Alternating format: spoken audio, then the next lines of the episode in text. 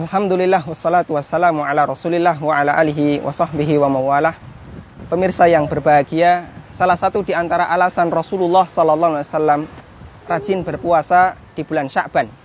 Sebagaimana disebutkan dalam hadis dari Usama bin Zaid, beliau mengatakan, "Wa huwa syahrun turfa'u fihi al-a'mal ila rabbil alamin." Fa ana uhibbu ayyurfa'a amali wa ana.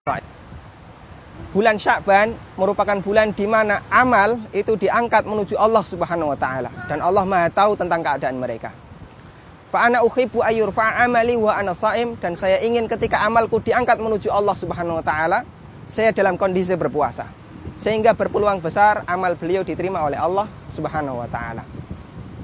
Jamaah yang berbahagia, ada sebagian orang yang salah paham dengan hadis ini.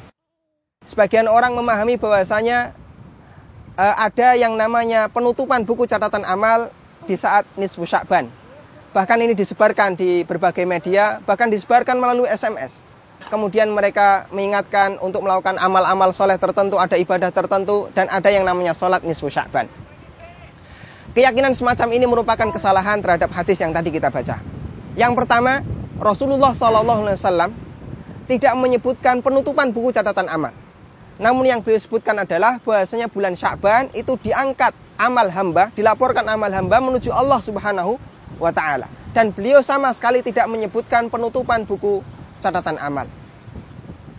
Dan dalam Islam tidak dikenal istilah penutupan buku catatan amal. Kemudian orang bisa istirahat dari beramal. Karena yang namanya manusia dituntut untuk senantiasa beramal kepada Allah Subhanahu wa taala sampai akhir hayatnya. Allah taala berfirman wa'bud rabbaka hatta ya'tiyakal yakin. Sembahlah Tuhanmu, sembahlah Rabbmu sampai datang al-yakin. Dan makna al-yakin dengan sepakat ahli tafsir artinya adalah al-maut, kematian. Maka selama hayat masih dikandung badan, selama kita masih hidup, kita dituntut untuk senantiasa beramal dan beramal.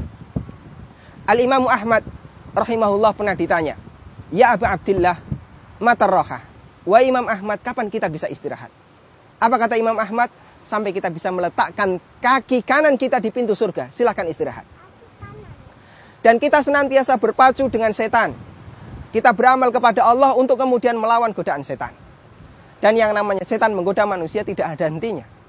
Al Hasan Al Basri pernah ditanya oleh seseorang, "Anama iblis?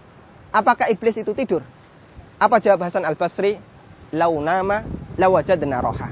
Kalau iblis itu tidur, nanti kita bisa istirahat.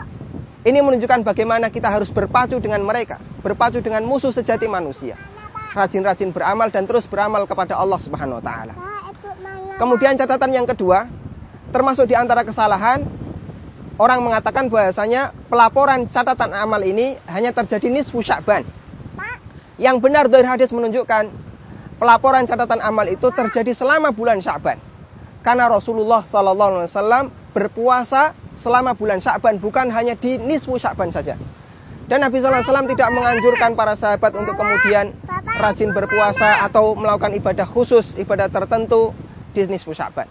Namun yang beliau lakukan adalah rajin berpuasa selama satu bulan Sya'ban. Doir hadis ini menunjukkan bahwasanya amal diangkat menuju Allah Subhanahu wa taala bukan di nisfu Sya'ban, namun selama bulan Sya'ban. Karena itulah kaum muslimin yang berbahagia, kita sangat berharap amal kita diterima oleh Allah Subhanahu wa taala. Maka di kesempatan bulan Sya'ban semacam ini marilah kita berusaha menjadi seorang hamba yang rajin berpuasa dengan harapan Allah Subhanahu wa taala akan menerima amal yang saat itu sedang dilaporkan kepada Allah Subhanahu wa taala. Mudah-mudahan menjadi nasihat yang bermanfaat.